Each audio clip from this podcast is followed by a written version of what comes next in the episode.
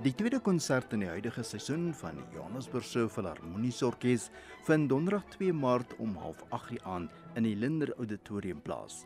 Die konsert open met Bizet se Petite Suite. Die werk bestaan uit 12 kort dele wat oorspronklik vir vier hande bedoel was. Later het Bizet self 6 van die dele georkestreer en vandag staan dit as die Petite Suite bekend.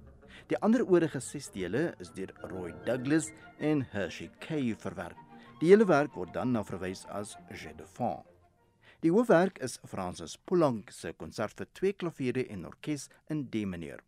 Hy het die werk in 1932 voltooi en word gesien as die hoogtepunt van sy sogenaamde eerste periode. Musiekkenners wys graag op invloede van Maurice Ravel en selfs Mozart en Liszt. Die werk bestaan uit drie bewegings, gemerk Allegro non troppo, Larghetto en Allegro molto. Die slotwerk is Saint-Saëns se simfonie nommer 3 in C mineur.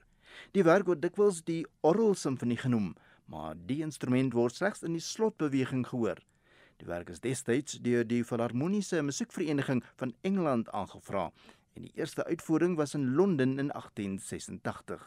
Die komponis Saint-Saëns was die dirigent by die geleentheid. Die twee soliste is Marco Chiavo en Sergio Marchegiani, beide van Italië, en die dirigent is Daniel Boyko vir die konsert deur die Johannesburgse Filharmoniese Orkees op Donderdag 2 Maart om 08:30 die aand.